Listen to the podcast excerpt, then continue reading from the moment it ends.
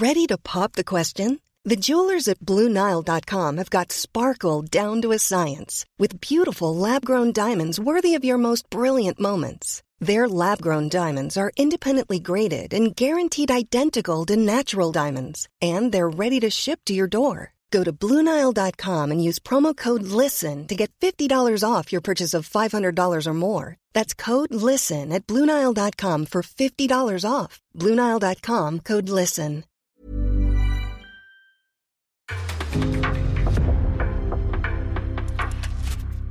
En podcast från Aftonbladet.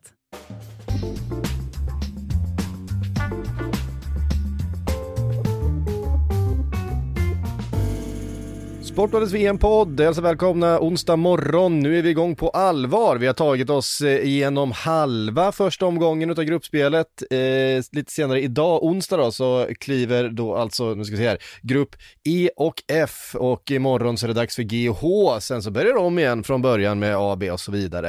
Eh, vi har fått eh, turneringens första superskräll.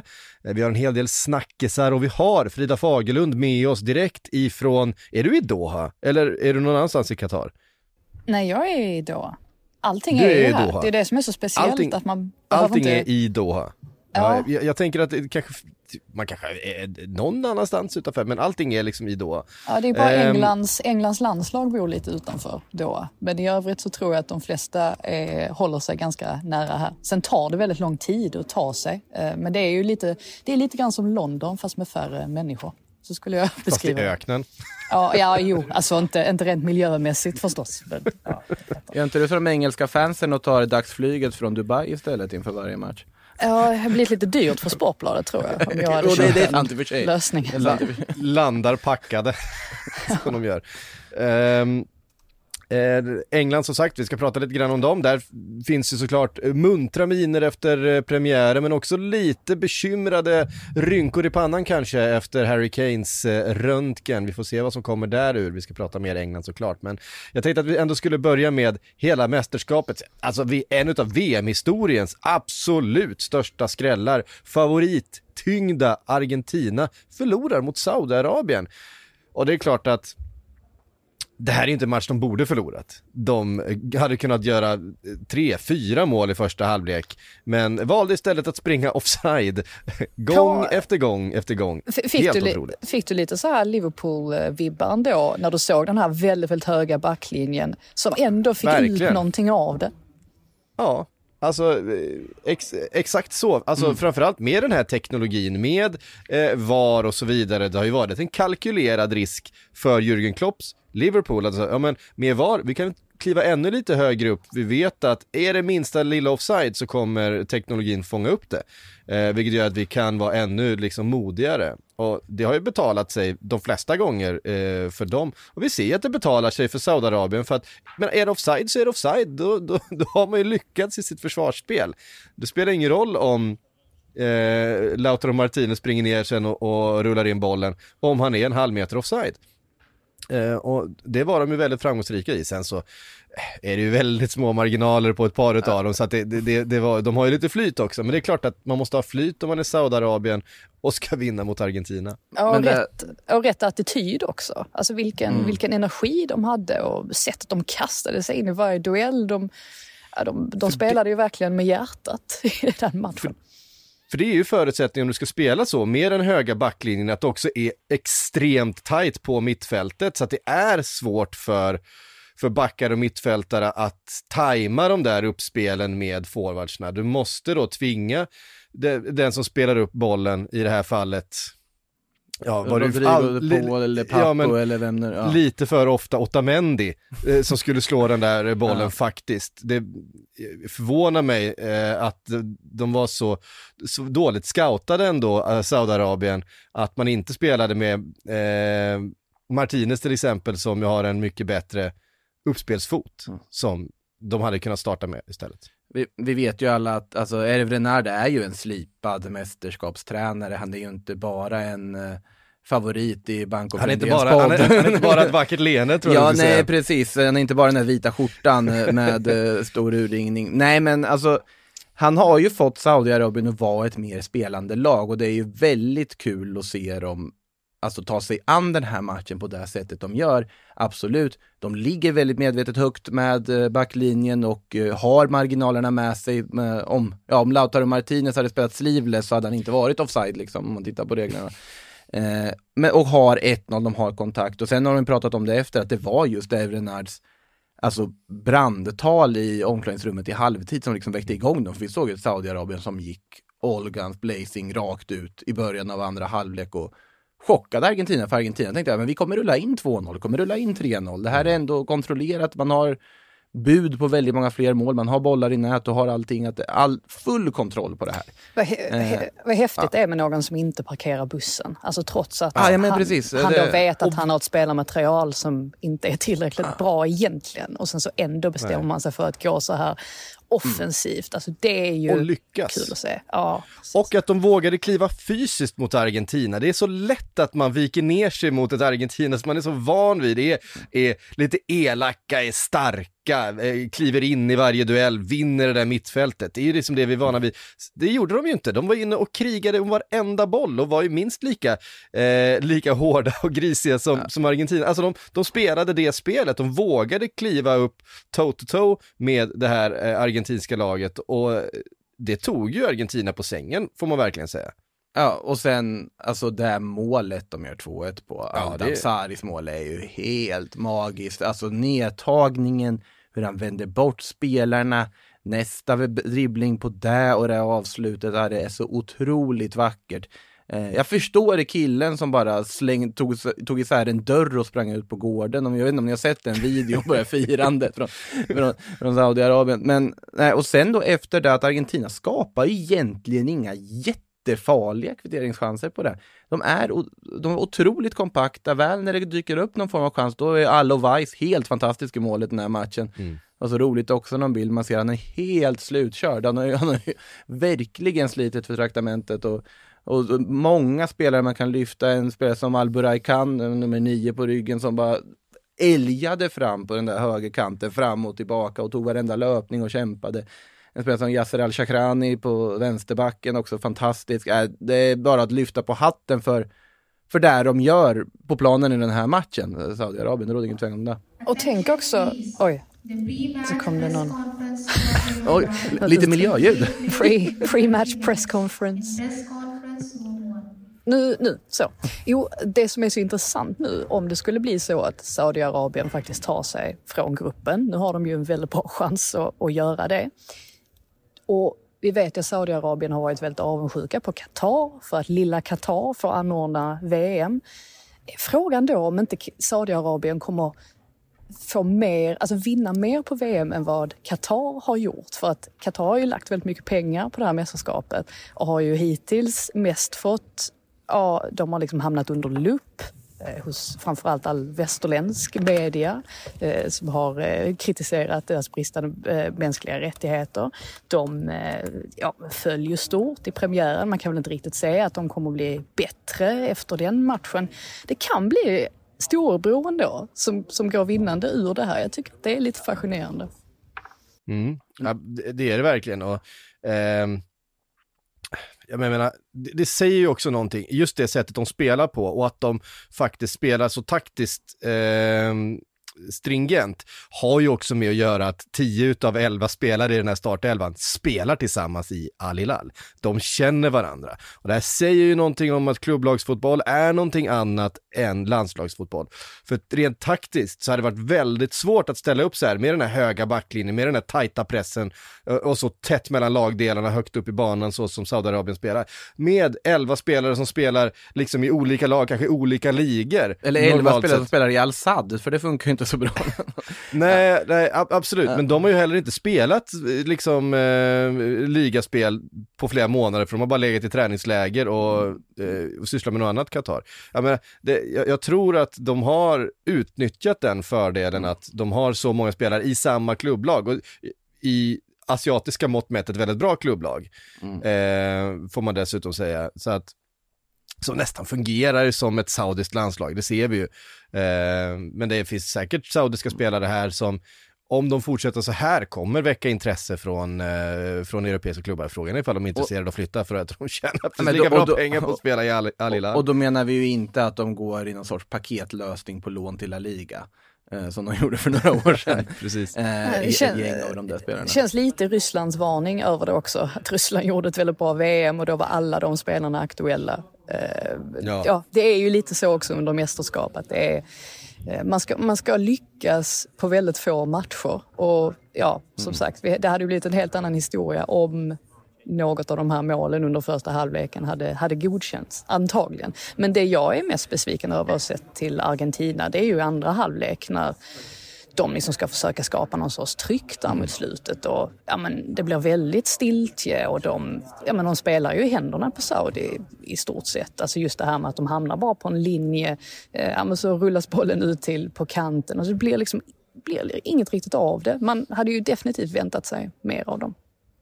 Ja, och eh, Lionel Messi, vi har pratat om i den här podden att det här ska bli hans VM och hans sista chans och han är i bra form, han är den här ledaren.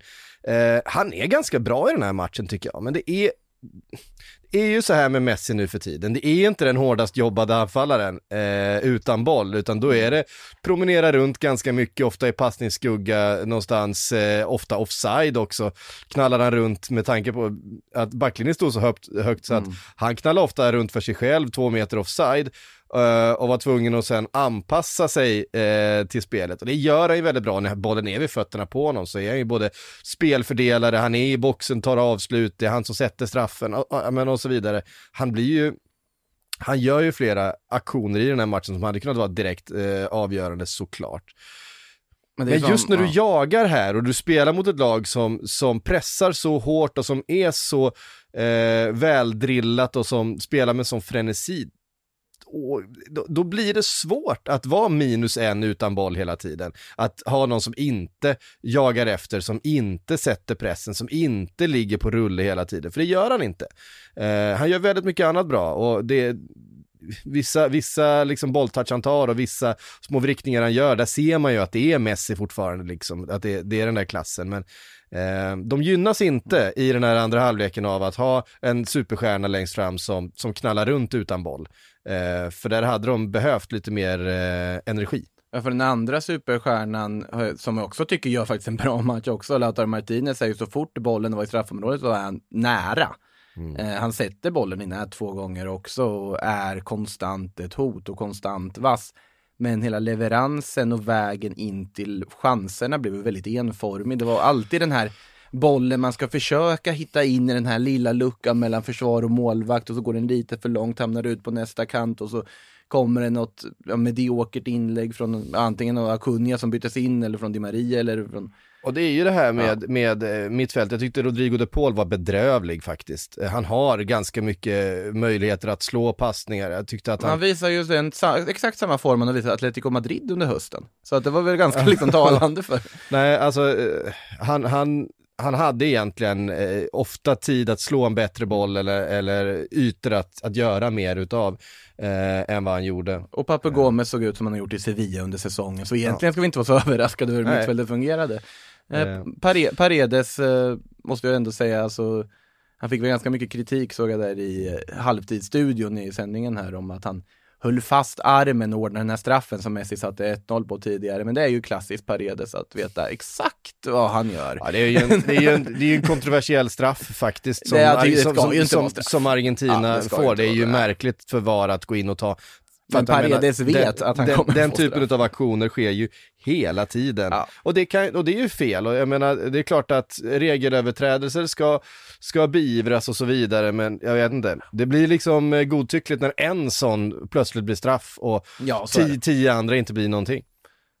Nej. Eh, så var det i alla fall. Vi har sett eh, mästare förlora sin första match ja. förut, Spanien tänker jag på, som förlorade sin första match i gruppspelet när de vann VM eh, senast. Så att än är det inte kört för Argentina såklart. De eh, kanske hittar en högre växel men, men 0-0 eh, mellan eh, Mexiko och Polen var väl ganska tacksamt för dem också i ett läge där de då har, eh, ja, att båda de lagen tappar poäng. Då räcker det möjligtvis med att de vinner en av de matcherna som är kvar och de skulle ändå kunna kravla sig vidare på något sätt. Eh, de är inte piskade att vinna båda. Eh, nu är det ju inte lätta motstånd som, eh, som väntar och nu kommer både Polen och Mexiko vara lite i ett behov av att ta tre poäng kommande matcher här också. Så det blir en väldigt och spännande och Saudien grupp. är inget lag man kör över, det visar de ju definitivt. Ja men det ska bli väldigt spännande att se hur de hanterar mot ett något sämre motstånd. Som sagt, när man inte kan leva just på den här underdog-stämpeln och eh, orubbliga tron och på att motståndarna kommer underskatta dig. Nu kommer inte Saudiarabien underskattas och då får vi se hur det ser ut när de möter lag som Polen och Mexiko som borde vara bättre än vad Saudiarabien är trots allt. Ehm, ett favorittyngt lag som eh, lyckades resa sig och lyckades hitta energi trots underläge, det var Frankrike igår. Ehm, när vi, eh, eh, när Australien chock chockade med det där målet. Alltså bedrövligt försvarsspel och liksom så här lite passivt, lite, lite yrvaket nästan och så ett Australien som utnyttjade det till max och sätter eh, 1-0 men sen hittar ju Frankrike, den regerande mästaren, sin rytm och sen blir det ju liksom bara en ren, en ren slakt i andra halvlek. Eh, jag tror att eh, Mbappé mot eh, Nathaniel Atkinson var, var den mest ojämna matchen på fotbollsplanen jag sett på väldigt länge. Han bara, jag vet inte hur många gånger han bara tittade på honom och sa okej, okay, nu åker vi och sen så var han två, tre meter före honom och sprang runt alltså honom. Man ska det, var, ju, man ska, det, var, det, det, är inte jättelätt nej. att försvara mot Mbappé. Man ska ju aldrig, eh, alltså så här, det, finns, det är ju otroligt tråkigt det som hände Lucas Hernandez vid målet, att han eh, drar korsbandet. Det är ju bekräftat nu att det är korsbandsskada på honom. Mm. Eh, men det är ju lite ur Frankrikes, alltså sportsligt perspektiv för Frankrike i den matchen, så var det en påminnelse, okej, okay, Theo Hernandez ska inte sitta på bänken för att han är typ världens bästa offensiva vänsterback. Undrar hur Atkinson reagerar när han inser att Lukas byter ut mot Theo så att han har Theo Hernandez och Kylian Mbappé att ta hand om. Ja, ja herregud, han, han, han sled hårt den, den matchen. Ja, han, han, han fick jobba. Eh, hur imponerad var du av Frankrike igår, Frida? Eh, jag var framförallt imponerad av eh, Olivier Giroud. Det känns som att eh, man räknar ut, räknar ut, man räknar bort honom eh, rätt så ofta och tänker att ja, men nu måste han väl stå åt sidan för någon annan. Men han levererar alltid på något sätt. Han är ju verkligen den här targetspelaren, länkspelare. Det finns så mycket, så många lager kring, eller i honom som fotbollsspelare. Så jag, jag blir alltid lika li, lika positivt överraskad när jag ser honom spela och det är kul att se att han fortfarande har en väldigt viktig roll i det här franska landslaget. Ja, eh, och tangerat nu eh, målrekord, mesta målskytt i det franska landslaget, tangerat med Thierry Henry, ett rekord han kommer eh, slå och bli, gå upp i ensam ledning där under det här mästerskapet, det tror jag. Det lär han väl göra. Uh, hade varit förvånad om inte annat faktiskt. Eh, nu när Benzema är borta, när mm. Nkunku är borta, han har inte startat ändå i och för sig men Alltså när du, ja, det är nog skönt för Deschamps mitt i allt det här och veta att han har Giro i truppen mm. och veta att jag vet exakt vad man får ut av den här spelaren. Han är otroligt underskattad fortfarande. Vi har varit inne på det i den här poddstudion förut också och det, det visar han ju nu vilken kvalitet han fortfarande håller. För de som inte har sett honom göra det i AC Milan så har ju även vi i publiken fått se det nu att det är fortfarande en fruktansvärt bra anfallare, nyttig anfallare, en laglojal, alltså osjälvisk anfallare. Och betyder jättemycket, framförallt när du har så mycket kvalitet runt omkring honom med Kylian Mbappé och Osman Dembélé och, och Antoine Griezmann och så vidare. Så nej, det är, han är ju guld värd för det här Frankrike och kommer vara jätteviktig även detta mästerskap. Ja, vi har ju höjt lite varningsflaggor för eh, Frankrike att de, ja, med alla skador som finns, med pressen som finns, att Deschamps är ifrågasatt, eh, att det var liksom lite upplagt för ett fiasko. Eh, men jag tycker att, tycker att det här laget ser väldigt eh, liksom helgjutet ut, mer än vad jag trodde det skulle göra. Jag tycker eh, Adrien Rabiot såg eh, jättepigg ut. såg bättre ut än ja, jag sett honom på väldigt länge. Det enda, det enda man känner lite grann ändå det är ju att alltså Rabiot, alltså i och med att de spelar liksom 4-4-2 när de inte har bollen så tenderade ju Rabiot rätt ofta att liksom, han seglade ut mot vänsterkanten vilket gjorde att Griezmann då droppade ner. Eh, och ja, då fick ju på något sätt Griezmann ta det ansvaret centralt, lite djupare. Det känns som att det är någonting som motståndare eventuellt kan ja, men mm. utnyttja framöver. Men ja, med det sagt så var ju Rabiot, han var ju, han var ju fortfarande bra i den här matchen. Det är mest att det kommer komma svårare motstånd på något sätt. Så att det ska bli väldigt intressant att, att följa Frankrike eller hur, hur de ser ut då. Så är det ju definitivt. I Australien är ju kanske det lägst. Eh, ett av de sämsta landslagen rent på pappret i, i hela mästerskapet ska vi också eh, vara på det klara med. Intressant också tyckte jag att Deschamps ställde upp med gamla Red Bull Leipzig-kompisarna. Eh, du fick rätt på Konaté till slut. Vi satt och diskuterade och sa, men han kommer inte vara nära en startelva, knappt en trupp sa jag. Och Chi fick man, som man har fått med mycket i början av det här mästerskapet. Ja, uh. men, men, eh, men intressant är att han tar ändå eh, Konaté och Upamecano som mm. ju uppenbart känner varandra väldigt bra från Leipzig-tiden. Har spelat tillsammans, de är ju ett, ett, ett, ett, ett gammalt gift par. Eh, istället för att sätta in en, en duo, det är ju kanske så att det, någon skulle gått före Konate eh, rent på pappret om man ser till, jag menar Konate har varit ganska mycket skadad, har inte spelat så många matcher den här säsongen, i och för sig sett ganska bra ut när han, när han väl har spelat, men, men just att han har det mittbacksparet som är van att spela ihop mm. och har sina roller och är, har kommunikationen. Eh, det tror jag är ett ganska smart drag faktiskt utav Deschamps. Eh, så, vi eh, ska prata lite grann Ronaldo. Portugal kliver in imorgon, där har kommit nyheter. Vi ska prata lite om hur det har sett ut i det engelska eh, landslaget, Frida, som du följer och lite nyheter därifrån. Eh, men först några ord från våra sponsorer. Ja, Sportbladets VM-podd är sponsrat utav Hyper.com och eh, med som ni vet för det här laget har vi Steven Lee Holmdahl för att leverera ett eh, nytt färskt tips så här mitt i den första rundan utav gruppspelet. Hur mår du? Eh, jag mår bättre än vad Argentina gör i alla fall. Precis, en riktig dunderskräll. Argentina som ju du har som vinnare i ditt eh, långa tips här. Vi får se ifall de kan studsa tillbaks då lite grann som Spanien gjorde 2008. Ja, vad roligt att du nämner det. Men jag har ju faktiskt en vinnare till som jag tänkte prata om lite nu. Du vet, vi kommer, vi kommer syna allt här, är bra. uh, ja, som sagt, uh, Argentina har ju spelat, det är min stora liksom, favorit. Då. Men uh, sen har jag Uruguay också som kliver in nu mot Sydkorea jag tycker Uruguay sitter på en perfekt åldersmix tycker jag. För deras, liksom det gamla gardet är fortfarande tillräckligt bra för att hålla ihop ett VM och så har de börjat slussa in eh, yngre förmågor och spelare som har satt lite bättre fart på grejerna. Och, ja, tränarbytet där mitt i kvalet var ju eh, ett genidrag kan man säga. Ehm, så jag tror att de kommer ha bra chans mot Sydkorea som har lite stjärnglans men som inte alls har samma bredd. Son verkar, Tottenham Son här verkar väl kunna spela med någon slags lammen tystnar-mask men Eh, lite hämmad kan han nog vara. Eh, så mina spel blir här att Uruguay vinner 1,78. Sen tror jag att Luis Suarez går och visar att eh, gammal är äldst och bäst och att han gör mål. Så det går att spela till tre gånger pengarna. Och sen kan man använda en bettbilder också om man vill trissa upp oddset lite och spela Uruguay vinnare, Luis Suarez målgörare till 4 och 18. Lysande. Och de här oddsen hittar ni såklart då på hyper.com. Kom ihåg att du måste vara 18 år för att spela och är det så att du eller någon du känner spelar lite för mycket så gå in på stödlinjen.se och läs mer.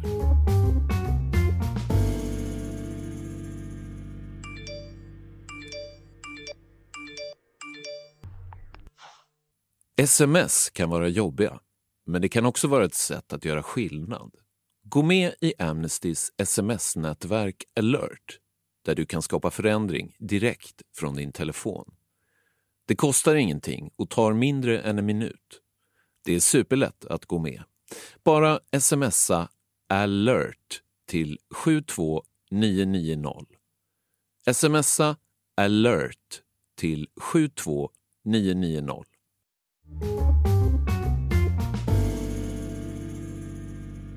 Då är vi tillbaka. Eh, England, Frida, som du följer med... Eh, hökögon. Ja, jag tänkte hökögon också. ja. men det var... Med lupp. Lejon eh, luppen. Finns sådana fortfarande? Det, det, är andra, det är andra gången ordet lupp har nämnts i podden. Jag tycker att det är lite, ja, Herregud. Det är ett härligt ord. Måste vara mitt fel. Eh, det känns ett gammalt ord. Alltså. Ja, men, vi vet ju vad en lupp är. ja, ja, det är klart man vet. Eh, eh, drömstart såklart med sex mål mot det här Iran som vi tänkte, de här kommer inte släppa in ett mål under hela turneringen. Eh, med Carlos Queiroz. Ja, det är klart att man får den där drömöppningen, man får in det där målet till förändra matchbilden och sen bara flyter det ju på. Sen finns ju matchvinnare i, i överflöd i det här laget. Eh, men Frida, hur mår Harry Kane? Ja, det är ju frågan då. Han fick ju en smäll på fotleden mot Iran, spelade ändå vidare och efteråt så var ju Gareth Southgate ändå ganska tydlig med det. Han spelade ju ner det helt och sa att nej, det är ingen fara med, med Kane och, och sådär. Och, eh, och just det här att han hade spelat vidare, även om han liksom haltade av lite så tänkte man ändå att ja, men då, då är det ingen fara. Men nu ska han alltså röntgas då mm. innan matchen mot USA det var en nyhet som kom nu i natt faktiskt. Så att vi vet inte riktigt i nuläget hur det är med honom. Och eh, ja, det behövs ju inte ens sägas att det vore ett oerhört avbräck för England för att även om Kane inte gjorde något mål i den här 6-2-segern så är det ju han på något sätt som är hela navet i det laget. Det är han som länkar upp. Han behöver inte göra mål för Nej. att vara mm. fem plus i en match. Och så, så var det ju lite här också då mot Iran, just det här att ja, men de yngre spelarna kunde kliva fram och, och, och dra in målen men det blir mycket, mycket svårare att göra det utan Harry Kane på planen. Så att nej, vi får, får väl se hur det, hur det blir helt enkelt. Förhoppningsvis är det väl bara en, en försiktighetsåtgärd. Ja, vi får hoppas på det. Eh, alltså Callum Wilson som är med var ju inne och gjorde ett piggt inhopp, eh, eh, rullar ju fram mm. eh, till, vem var det som satte den bollen då? Det var... Um... Menar du Jack Grealish? Var det Grealish? ja, det var Grealish som, som gjorde målet där. där, där. Kanske det finaste ögonblicket ändå som vi har haft också i början av den här turneringen när han kommer ihåg firandet för uh, ungen Finlay som han lovade att han skulle göra. Kallade ormen när han mm. gjorde målet. Det var väldigt fint att se. Precis. Eh, nej men ett, eh, såklart är den här matchen ett ganska harmoniskt eh, engelskt landslag. Det är svårt att peka på några direkta svagheter där. Jag tycker i tysthet, alltså eh, Jude Bellingham såklart, vi vet vilken kvalitet det är i den här 19-åringen, eh, är ju kanske bäst på plan i första halvlek i alla fall. Eh, har ju också man glömmer lätt bort det, men att Declan Rice är där med sin fysik, med sin, pos alltså, så positionssäker som han är, det tillåter ju eh, för Jude Bellingham att, att kliva iväg och få spela ut verkligen, få hålla i bollen, vara kreativ, hitta lösningar. Eh, för han vet att ja, alltså Declan Rice det... gör det där jobbet som, som krävs bakom. Mm. Det här var ju på något sätt den rollen som Jude Bellingham har nu och det ska ju sägas att Bellingham kan spela i stort sett vad som helst på mittfältet. Alltså det kan vara 4, 10, 8, det, det spelar ingen mm. roll. Um, Calvin Phillips hade ju den här rollen på något sätt i EM förra sommaren. Just det här med att ibland låg han jätte, jättehögt upp och ibland var han nere bredvid Declan Rice och, och eh, hjälpte till att stabilisera mittfältet. Um, men Jude Bellingham är ju en bättre spelare.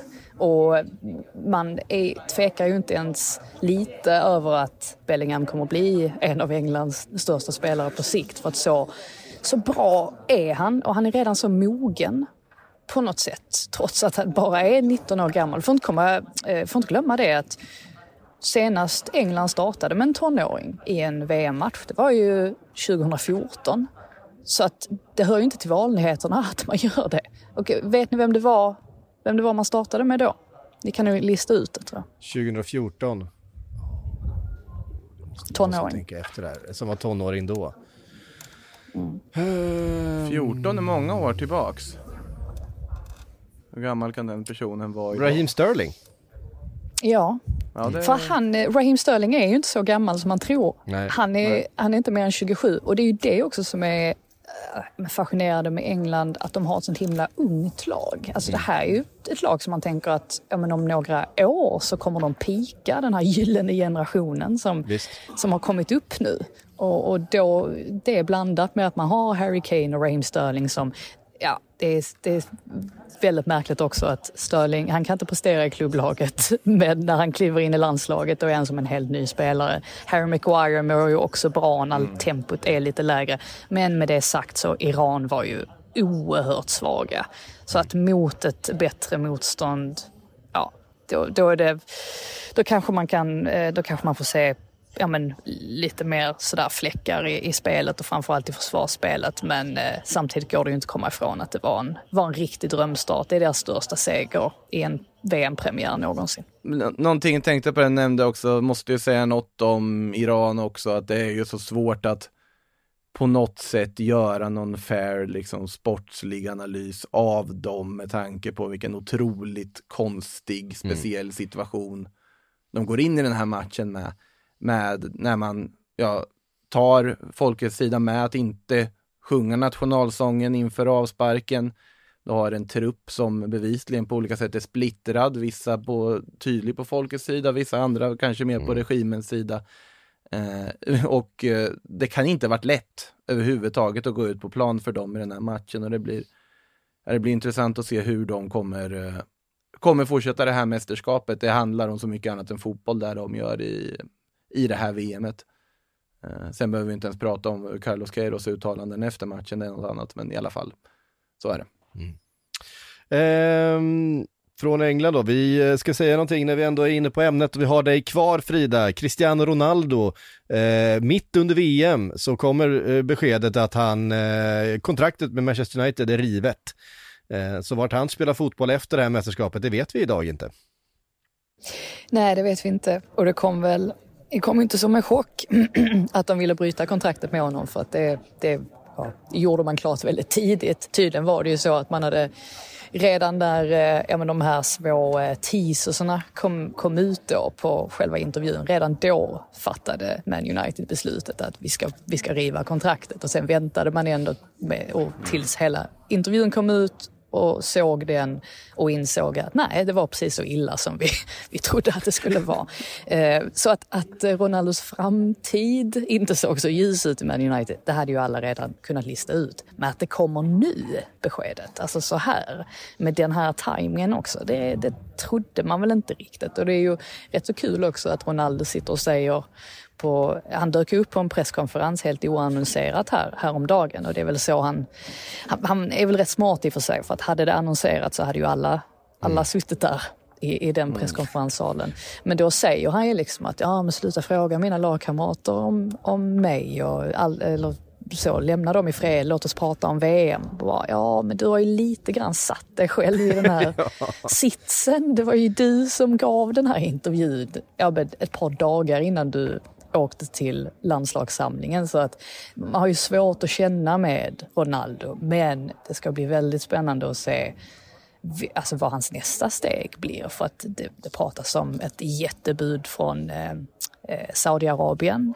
Eh, det har nämnts lite grann om Newcastle, jag tror inte alls på det. Eh, det, ja, det. Det enda jag kan säga i så fall det är ju att den här saudiska kopplingen på något sätt ska, ska hänga ihop där. Men jag kan inte tänka mig att Eddie Howe vill ha Ronaldo i sitt lag. Jag har väldigt svårt att se att det är särskilt många Champions League-lag som vill ta sig an Ronaldo. Det är väl möjligtvis då, jag vet inte, Real Madrid nu med tanke på Benzemas skada. Man tänker, ja, men vi tar väl in Ronaldo. Men jag tror ju att jag tror att Ronaldo man, själv... Man går inte bara skaka han... på huvudet där.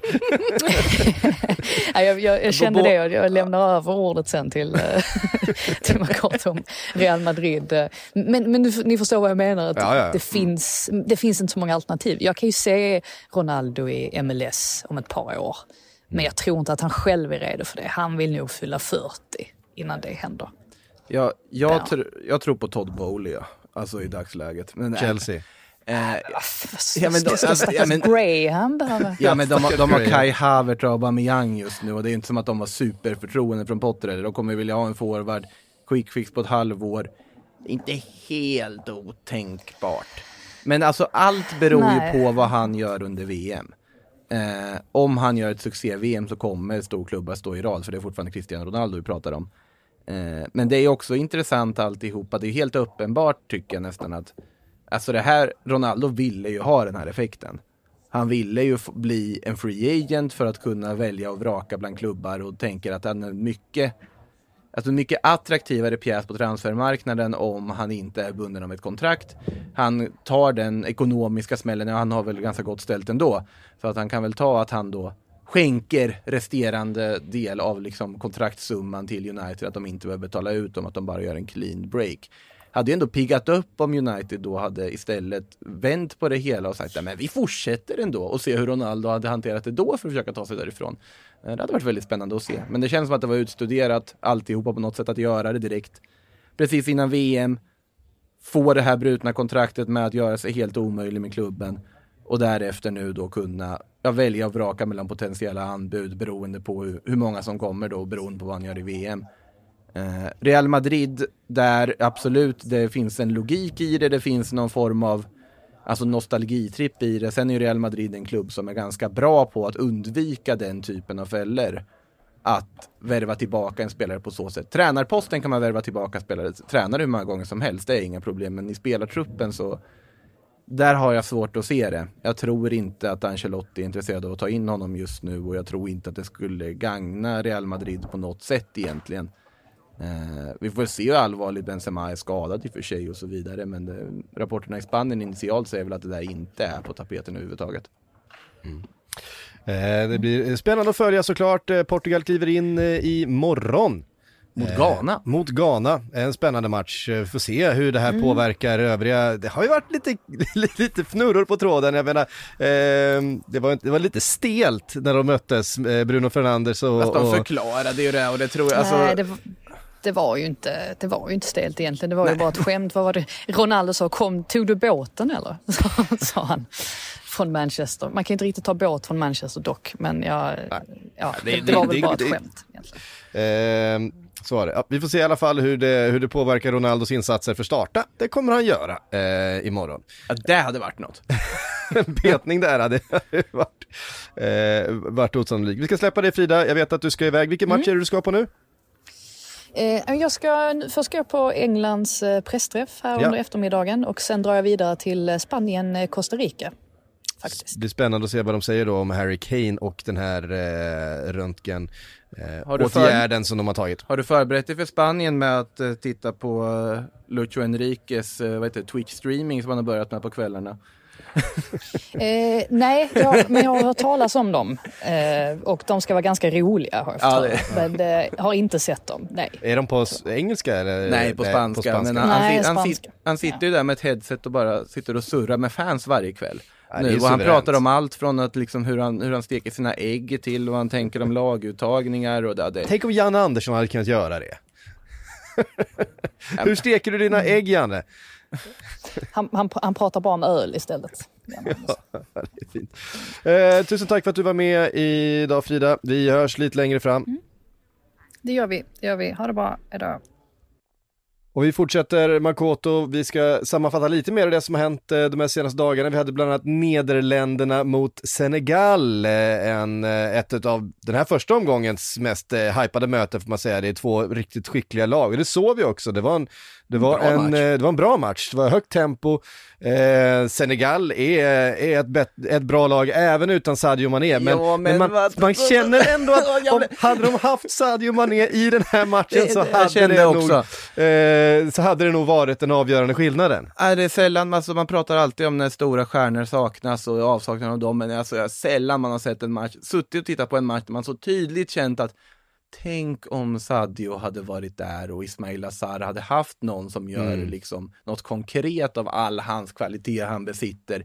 Tänk om det fanns någon som visste att han skulle ta sitt avslutsläge istället för att hade Diatta och Dia som, mm. men det inte var de gjorde så fort det blev skottmöjligheter.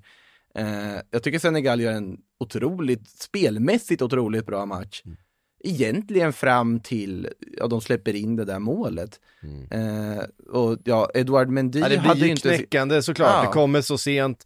Eh, och sen så är det ju igen, det är ju, en, det är ju ett tema det här mästerskapet med de här evighetslånga stopptidsminuterna. Eh, det ja. känns som det är 10-12 minuters eh, tillagt varenda halvlek, varenda match. Eh, och det här är ju ett direktiv då från eh, domarchef Colina. Det ska läggas till mer för att det motverka maskning mm. och att eh, få bort det här snacket om effektiv tid som vissa vill ha och sådär. Men eh, ja, och den här aspekt... det känns lite ovant för att plötsligt rullar vi upp mot 90 och så är man såhär, fan vi har ju fan 12 minuter kvar att spela här. ni, ni har inte sett La Liga-fotboll för där, där, kan, där kan det bli 9-10 minuter ibland. Nej, men eh, det, i med det där i åtanke ska det bli extra kul att se Belgien-Kanada ikväll med tanke på att det är en viss eh, Janni Kavse som dömer den matchen. Eh, Zimbabwien som blåste av en match i Afrikanska mästerskapen i minut 85. Han är, på VM. Det är inte hjälten vi förtjänar, men det är hjälten vi behöver.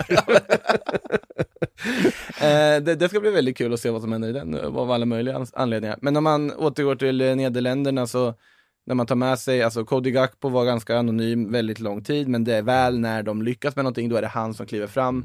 Jag tror att det är han som kommer vara den viktiga faktorn om hur Nederländerna ska gå långt i det här mästerskapet. Offensivt i alla fall. Ja. Passningen från Frenkie de Jong är ju magisk. Han, jag tyckte han var alldeles briljant i den här matchen också och han kommer också vara ja, vital för det här eh, nederländska laget.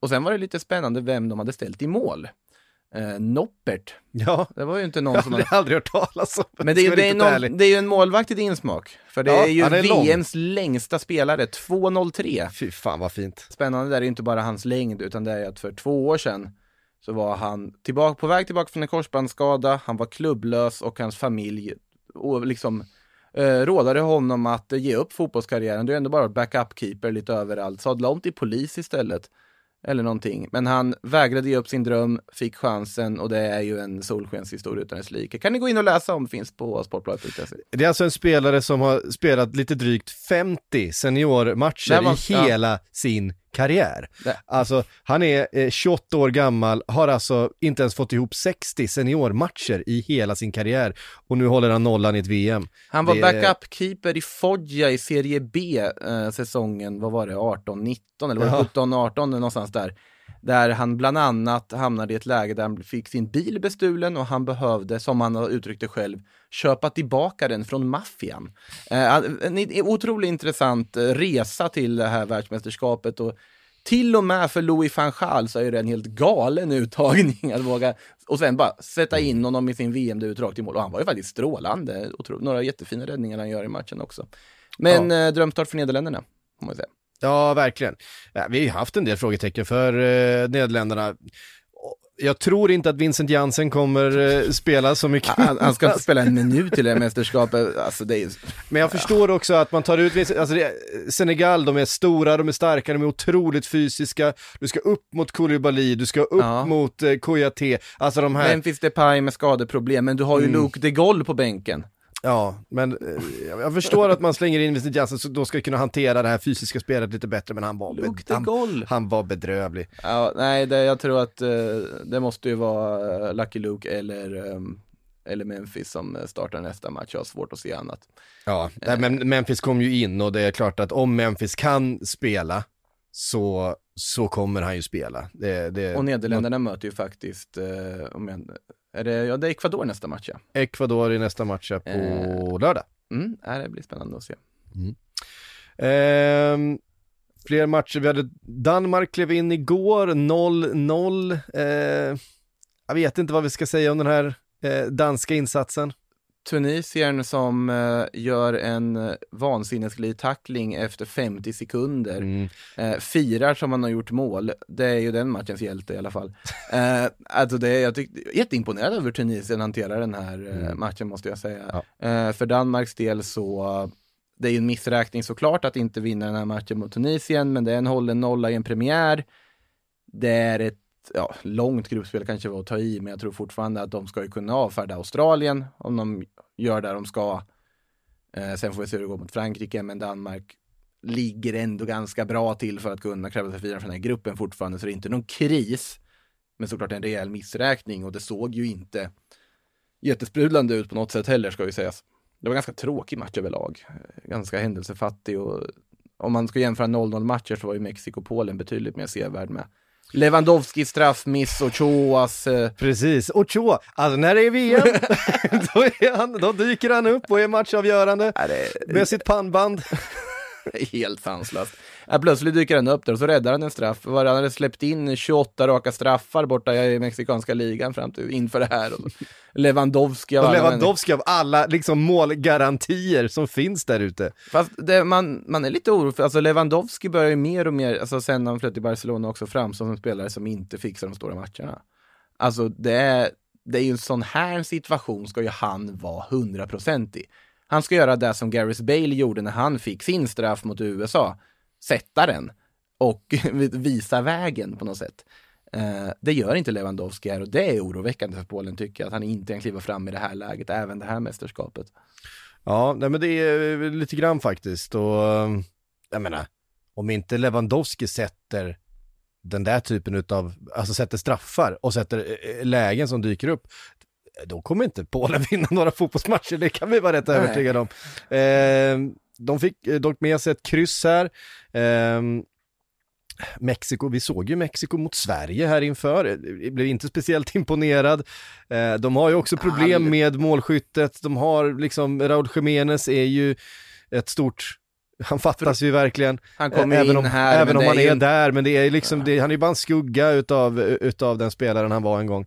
Eh, det, var, det var ju en riktig klassanfallare eh, för eh, huvudskadan och eh, nu är han mest med där. Mexikos offensiv var i princip Chucky Lozano och Alexis mm. Vega som utmanar sina backar och kommer till bra lägen och sen fanns det inte så mycket mer innanför.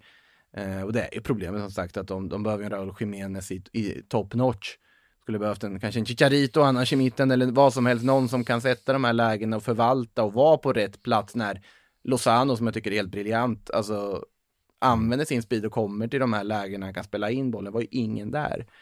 Eh, sen absolut, jag, tror, jag ser fortfarande Mexiko som, och det gjorde jag inför också, som favorit före Polen i alla fall att gå vidare från den här gruppen. Men nu, Mexiko-Argentina blir ju en väldigt intressant match av anledningen att det kommer ju, kommer ju smälla. Det kommer det definitivt göra. Uh, och det kanske precis så Argentina behöver. Uh, de behöver något lite mer mm. familiar, något, ett motstånd de, de, de känner igen. Uh, vi får säga någonting om, vi har en match kvar vi inte har pratat om och det är USA-Wales. Även den ett kryss då, 1-1 eh, Gareth Bale räddade poängen. Eh, det var ju eh, vilda scener på läktaren. Det har inte varit så mycket vilda scener på läktaren. Det har varit ganska tomma scener på läktaren ah, i, i många matcher, framförallt eh, när det närmar sig de där eh, många långa stopptidsminuterna på slutet. Då har det eh, i stort sett handlat om en 30-40% av eh, läktaren som har varit besutten. Men eh, de walesiska supportrarna som var till, eh, ditresta, de var inte jättemånga, eh, ändå fler än vi har sett till exempel eh, engelska eh, och andra nationaliteter. Eh, de var där och de fick fira tillsammans med Gareth Bale, det första VM-målet då på, vad var det vi sa, 64 år. Ja, det blir VM, det. VM 58. Ja, ja, men det var ju en riktig sån här undre halvan-match i Premier League. Alltså det är ju i princip något så här samarbetslag med Fulham och Leeds-spelare som möter någon samarbetslag med Wales, vad heter det, Nottingham och ja, det var ju bara massa Premier League-profiler, både nuvarande och tidigare i de här lagen. Och de gjorde väl ungefär det man kan vänta sig av dem. Mm. USA tycker jag i första halvlek otroligt imponerande hur de spelar och med den ungdomliga frej de har och ett jättefint tremanna mittfält där med Weston McKennie, Tyler Adams och Jonas Mosa. Eh, men de är lite valpiga, de orkar inte riktigt hålla upp det. De är fortfarande ett lag som på sikt ska bli bra, inte ett lag som kanske är utmanande här idag. Wales egentligen ganska begränsade som fotbollslag men har inställningsmässigt så mycket mer än vad USA har att de tar sig tillbaka in i den här matchen, pushar för det. Eh, sen var väl kanske det mest det smartaste men mest frustrerande ögonblicket som, som jag minns från den här matchen är ju när när den amerikanska målvakten är ute på tur och Gareth Bale har i slutminuterna möjlighet att dra ett skott från halva plan in i mål och siktar för ja. att göra det. Ja, och ja, Kelly Nacosta gör det enda rätta, går in och bara plockar honom. uh, och man blir så frustrerad för det är så glädjedödande. Ja, det är det Men verkligen. det är så rätt också. Så att det men uh, jag tycker det var en bra match, det var en sevärd, sevärd tillställning tycker jag. Och båda de lagen har ju goda möjligheter att hänga med England vidare. Mm. Dan James ut i halvtid. Inkom, ja, men det också... Inkom Kiefer Moore. Ja, men vikt, det, det, är... av ja, det är pannben i alla fall Jo, men en in. viktig poäng här också att spela inte Gareth Bale som striker. Han var ju helt Nej. isolerad. Mm. Och oj vad mycket bättre de fick när Kiefer Moore kom in i mitten ja. som referenspunkt med det han tillför. Han ska starta. det, är en sån, det, det, är en, det är en stygg spelare, Kiefer Moore. Han är, han är stor, stor, stark och elak. Men jag tycker också, alltså jag blev lite förvånad för de ställer upp med en, med en, um, en slags 3-5-2 Uh, för Wales, jag tycker att den där uppställningen, men det finns liksom, uh, jag menar en Harry Wilson till exempel är ju mycket mer offensiv, han fick liksom, han skulle springa runt där centralt på mittfältet, det är inte hans grej, han måste ju komma högre upp i banan och få använda sin fina vänsterfot och komma till de här skottlägena, det är det han är så bra på. Uh, sen är det klart att man har fina liksom wingbacks då, i, i, framförallt i Nico Williams som uh, uträttar en del på vänsterkanten där, men jag vet inte. Uh, det blev, det, det, blev bättre i andra när man ändrade lite grann. Jag hade ändå... Kiefer Moore kom in och du fick någon form av liksom tyngd framme och någon, ja. alltså jag tyckte han var faktiskt alltså, utmärkt i den här matchen. Ja, men jag, vi får se ifall han eh, gör någon eh, omflytt här till, eh, till matchen mot Iran.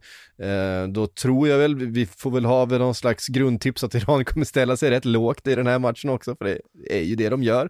Ehm, Ganska sanslöst att ändå Mehdi Taremi gick ifrån VM-premiär med två mål. Ja. lägga till. ja, det, vart, det, det, var, det, vart, det vart ju lite fladdrigt där i andra halvlek, men han är bra. Ja. Han, han, han, är, han är duktig. Eh, så vi får se här, det är ju kamp nu då om andra, andra platsen i den här gruppen för vi räknar väl med att England vinner den. Eh, vi får se. Ja, det ska de väl göra om de inte vaggas in i någon falsk säkerhet på det här med det. Säga någonting om USA också. Josh Sargent är en frustrerande fotbollsspelare att titta på. Fortsatt, eh, såklart Christian Pulisic, Pulisic är otroligt viktig. Um, Sargent hade ju tagit med sig matchbollen hem om han gjort mål. Det hade räckt med ett. Nej, men jag tänkte ju när han hade, när han hade ett skott på mål så tänkte jag att han kommer ju ta den matchbollen med sig bara hela vägen hem till staten. Nej men eh, som sagt, USA tyckte jag visade jättefina tendenser. Jag tyckte mm. det såg jättespännande ut men de orkar inte riktigt och det är fortfarande väldigt ungt och orutinerat ja. överlag. Men det, det, vi har ju pratat om det att det här är ju ett lag som ska hitta sin peak då till hemma-VM om fyra år. Ja. Eh, och vilket jag tror att man kommer göra, då kommer man ha spelare som Weston McKennie. Med en amerikansk eh, flagga på huvudet istället för en fransk då kanske förhoppningsvis. ja, till exempel. Eh, ja. Och så vidare som kommer vara i sin prime. Um, men ja, vi får se. Kanske till och med Josh Sargent kommer ha hittat eh, en, en höjd i sitt spel. Vet du vad vi ska göra nu? Nu ska vi ladda för Japan, för nu är det nu är det snart dags. Det är bara en timme kvar nu när vi sitter här eh, innan eh, Japan och Tyskland drabbar samman. Jag kommer, kommer ligga i ett hörn skakandes i fosterställningen borta på redaktionen från klockan två så att det... det här kommer ju, det här, det här kommer ju redan vara, vara, när vi släpper det här så kommer det vara... När ni lyssnar på detta kommer jag antingen vara väldigt glad eller liksom, jag, det jag förväntar mig på riktigt, det kan jag säga rakt ut nu och jag hoppas jag har fel som jag haft på de flesta tips jag haft hittills i det här mästerskapet. Att eh, Tyskland kommer att eh, köra över Japan fullkomligt. Jag tror att vi har... Eh, nu har ju startelvan eh, kommit också. Eh, har du sett den? För den matchen har den väl inte kommit än? För... Marocko-Kroatien har vi nog fått lite elver på. Nej just det, det är 14 matchen, förlåt. Men då har, då har ni inte lyssnat på det här, när det, eller sett den matchen här ja. Det är jag som blandar upp tiden här. Ja, 4-0 eh. Tyskland är mitt förhandstips. Jamal Musiala 2 plus 1. Jamal Musiala. Håll koll på honom. Eh, det är vårt, eh, vårt främsta tips inför den här eh, onsdagen. Eh, hörde ni, eh, Sportbladets VM-podd är tillbaks på fredag igen. Då ska vi summera hela den första omgången i det här gruppspelet. Då har vi också hälsat Brasilien, eh, Portugal, Uruguay, Tyskland, Spanien, flera eh, stora favoritlag. Eh, välkomna in i turneringen. Uruguay, Sydkorea är ju en måste-match att se, alltså för det, det, det kommer ju förstå hur uruguayanska spelarna kommer hantera en Hyun Son de vet är skadad. Äh, det kan bli stökigt. Ja, äh, det blir otroligt spännande. Eh, hörde ni, tusen tack för att ni har lyssnat. Vi hörs på fredag igen. Du har lyssnat på en podcast från Aftonbladet. Ansvarig utgivare är Lena K Samuelsson. When you're ready to pop the question, the last thing you want to do is second guess the ring. At BlueNile.com you can design a one-of-a-kind ring with the ease and convenience of shopping online. Choose your diamond and setting. When you find the one, you'll get it delivered right to your door. Go to Bluenile.com and use promo code LISTEN to get $50 off your purchase of $500 or more. That's code LISTEN at Bluenile.com for $50 off your purchase. Bluenile.com code LISTEN.